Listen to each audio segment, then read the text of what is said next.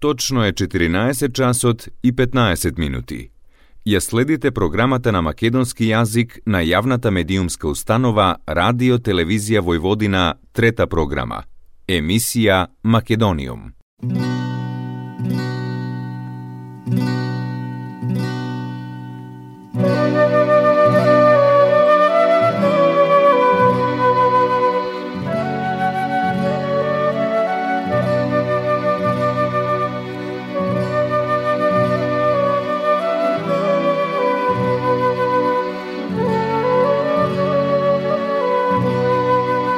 Македониум.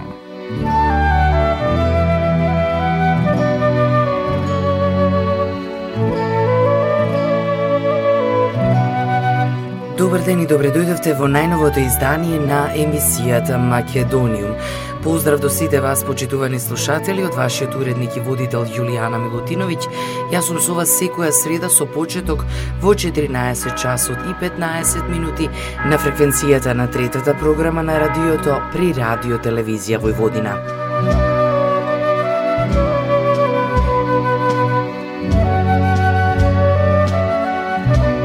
Македонија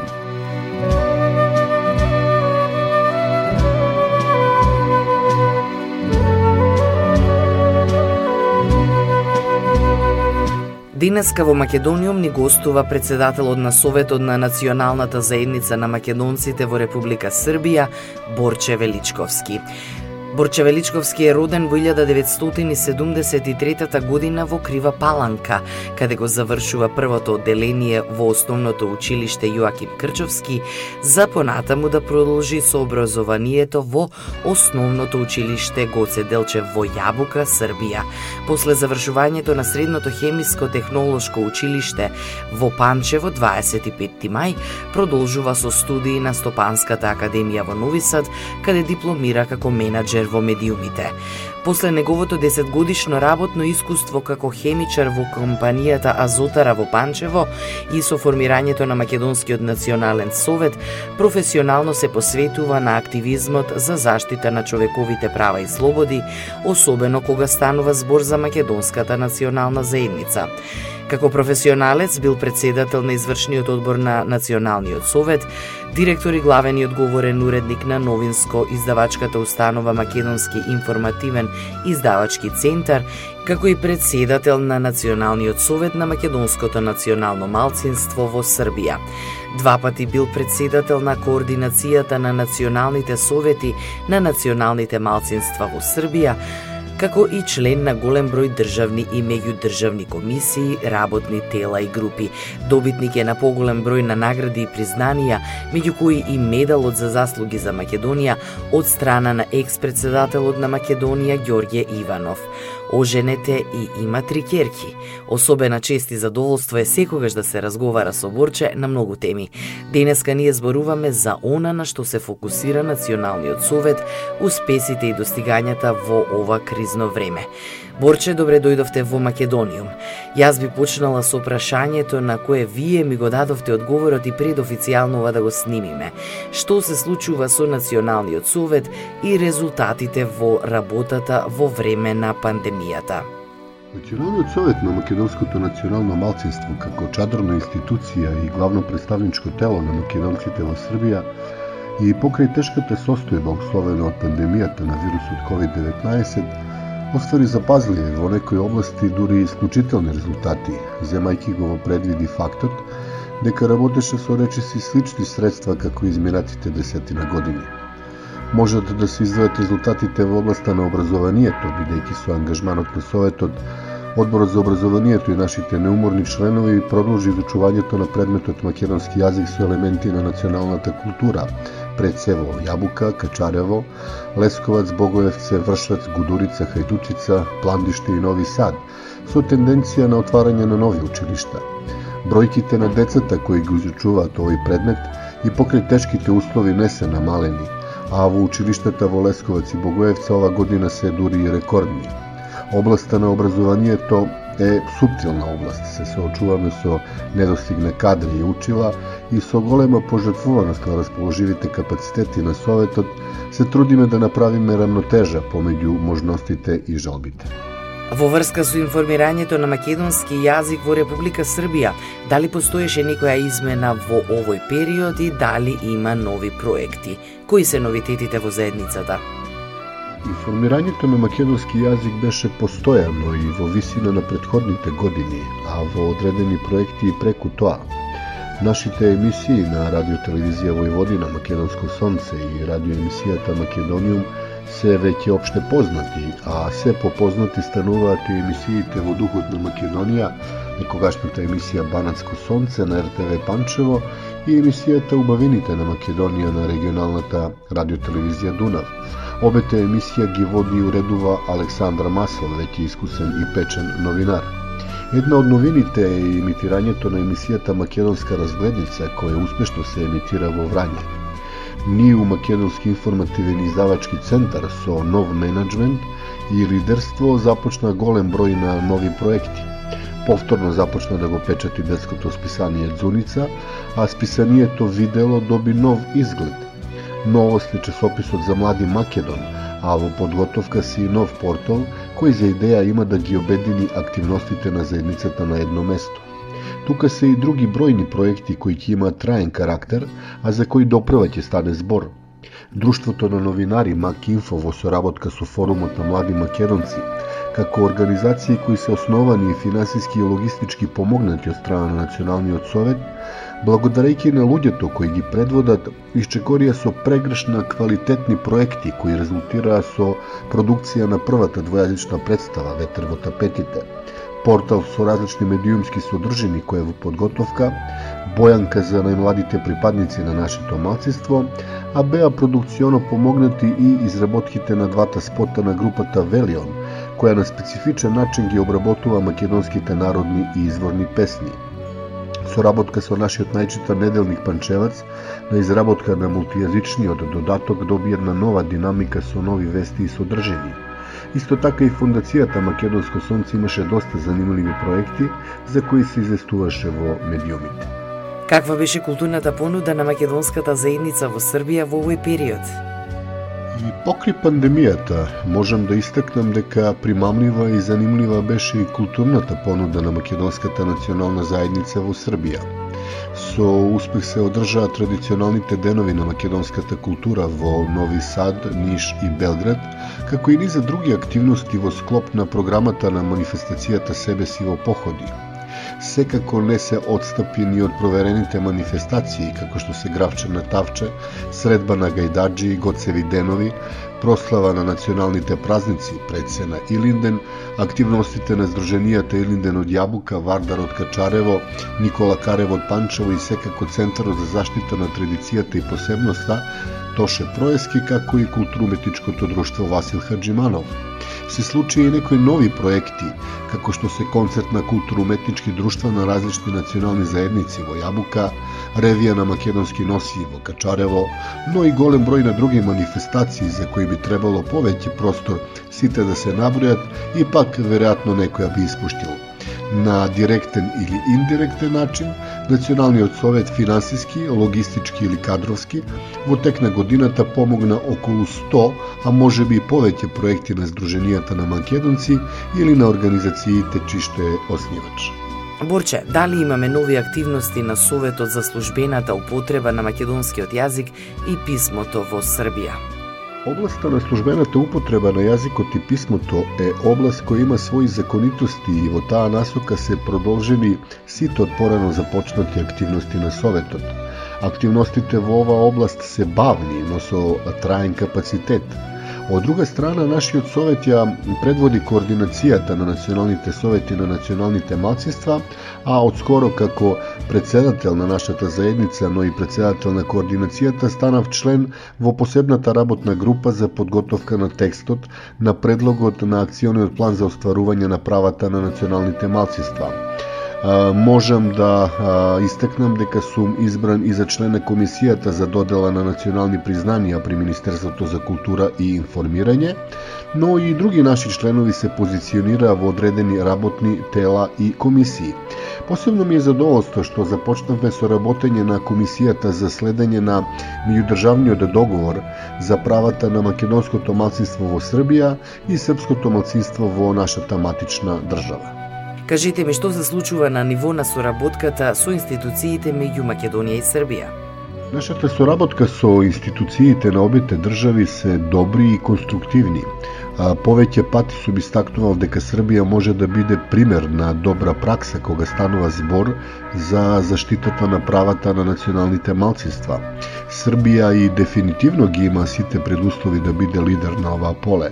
Националниот совет и понатаму ќе се труди да остварува највисока соработка со институциите на двете земји и секако со македонската амбасада во Белград и новата амбасадорка Михаела Веселинов. Ви благодарам многу што бевте денеска гостин во нашиот и ваш Македониум. Ве молам кажете ми што ќе им посакате на нашите македонци и слушатели на емисијата за крај. На припадниците на македонската национална заедница во Републикава би посекал пред се добро здравје, лична и семејна среќа, благосостојба и радост во животот би сакал да живееме сите во меѓусебна слога, сплотеност и толеранција, со почитување на државата во која живееме, но со гордост и љубов кон народот на кој му припаѓаме.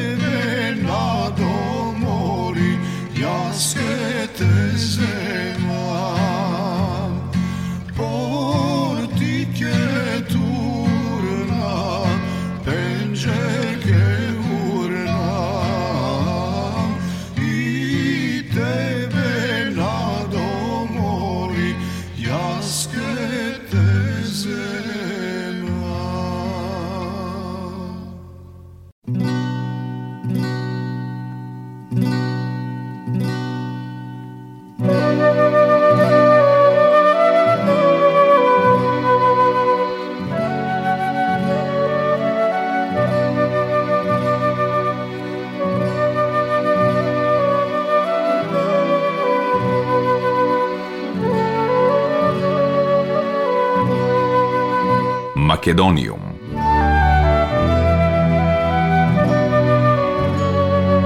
Во петок на 19 декември во Академија 28 во Белград ќе се одржи премиера на монодрамата Сумнително лице на македонскиот актер Роберт Ќосев. Представата е направена по мотиви на истоименото дело на Бранислав Нушиќ и особено важно е да се забележи дека оваа адаптација на сомнително лице за прв пат ќе биде монодрама, бидејќи покрај сите досегашни адаптации на оваа представа во разни театри, досега никогаш не била представена низ дело на еден глумец. Во 2016 година Роберт Ќосев за прв пат се представи пред српската публика во Сава Центар, токму со насловната улога со представата Сомнително лице на Нушиќ. По тогашните коментари од медиумите, Роберт Ќосев ја одиграл улогата на Иротие на местрален и дотогаш невиден начин.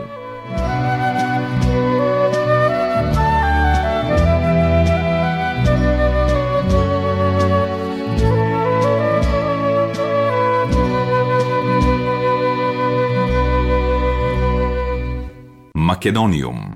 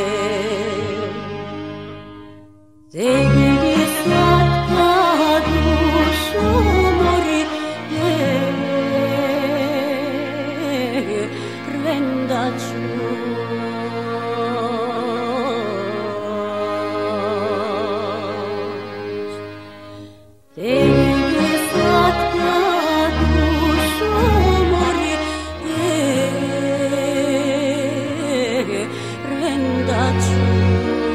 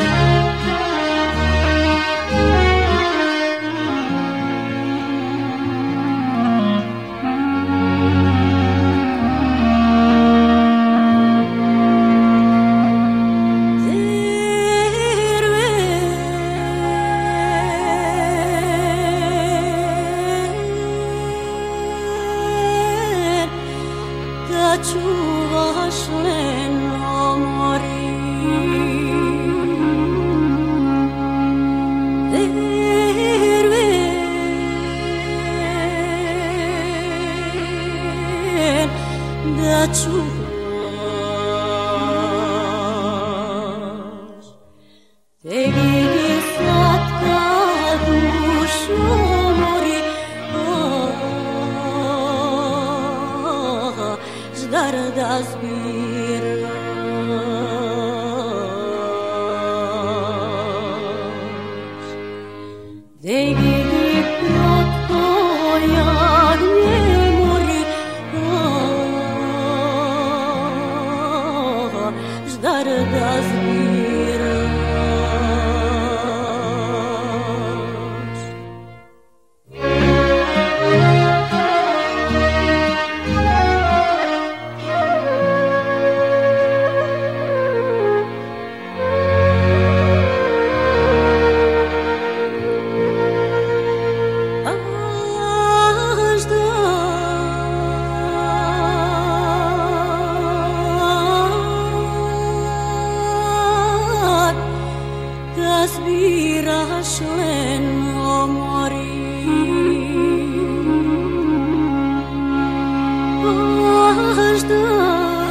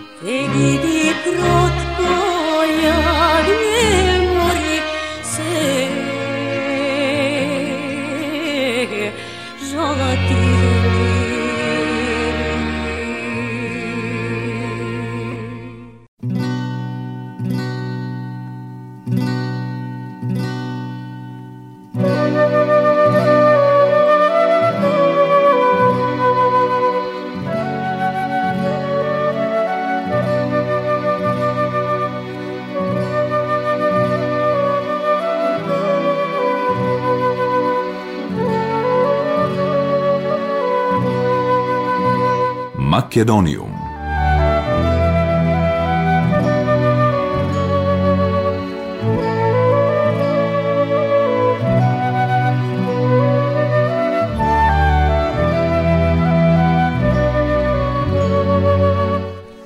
На крајот на состанокот на регионалната иницијатива Отворен Балкан, кој се одржа во Ниш од 12 до 14 ноември, а на кој присуствуваа министрите за финансии, земјоделство, труд и вработување на владите на Република Србија, Република Албанија и Република Северна Македонија, подпишани се два заклучоци од работните средби со кои се дефинирани сите активности што треба да се спроведат до самитот во Тирана на крајот од декември, а кои ќе придонесат за олеснување на трговијата, соработката во областа на на безбедноста на храната, фитосанитарната и ветеринарна инспекција, како и слободниот пристап до пазарот на трудот за граѓаните од трите земји, соопштија од српската влада.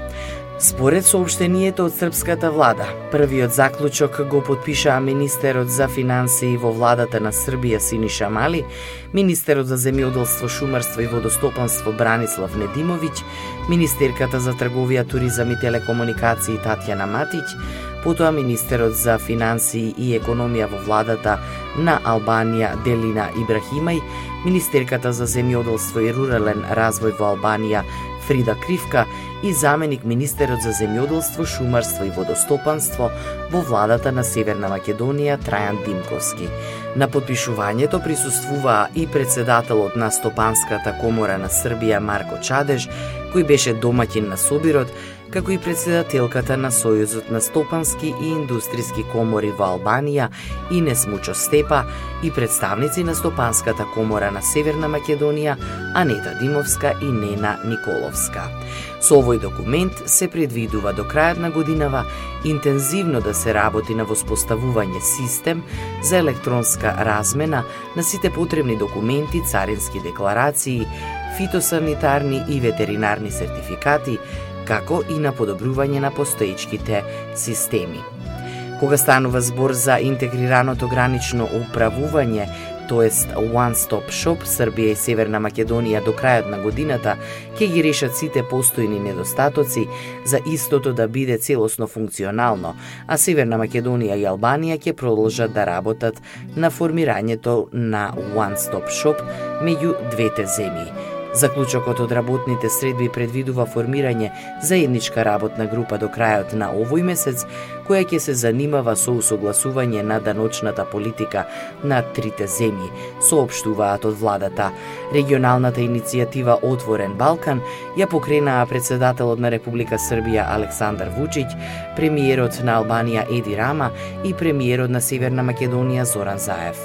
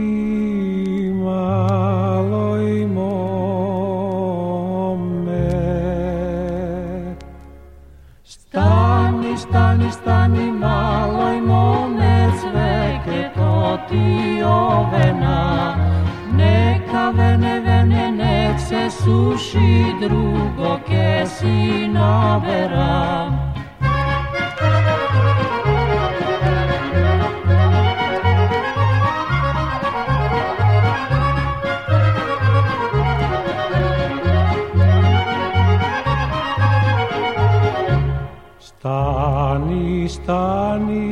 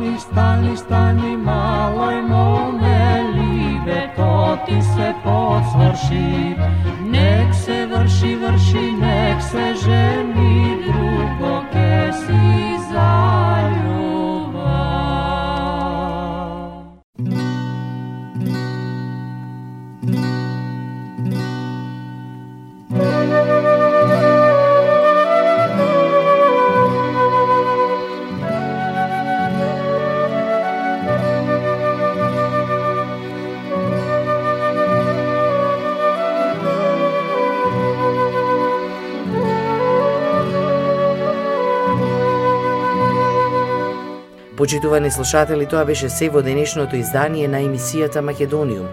До следната среда во исто време, срдечен и голем поздрав од вашиот уредник и водител Јулијана Милутиновиќ. Ја следевте програмата на македонски јазик, емисија Македониум. главен и одговорен уредник Воин Поповиќ.